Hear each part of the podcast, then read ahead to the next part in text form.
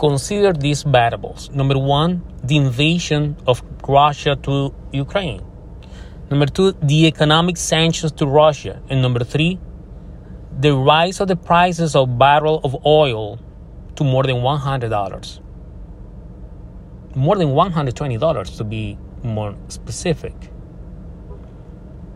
And that's going to bring a new order in the economic world. A new order.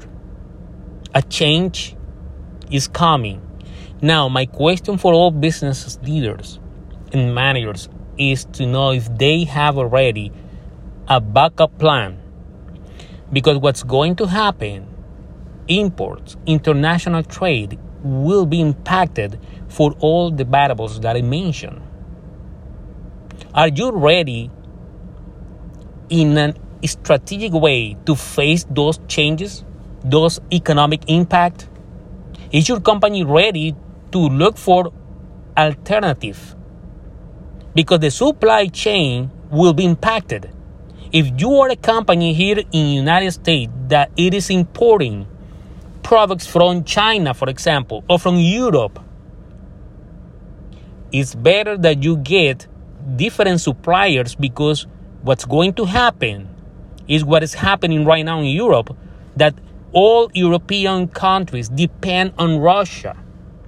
It is a shame.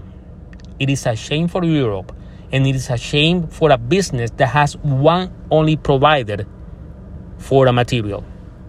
You cannot depend on one provider. You should have more than one provider, more than one supplier of materials. That's the way you avoid any type of risk.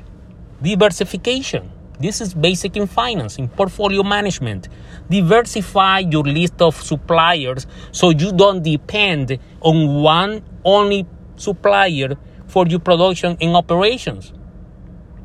That's a great example what's happening in Europe at larger scale, of course. But in a smaller scale, it's happening in businesses. You cannot depend on one customer.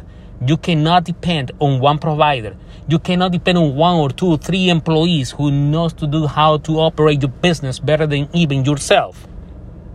So be aware of that and be ready. Changes in economics, changes in geopolitical systems are coming. So be ready for those changes.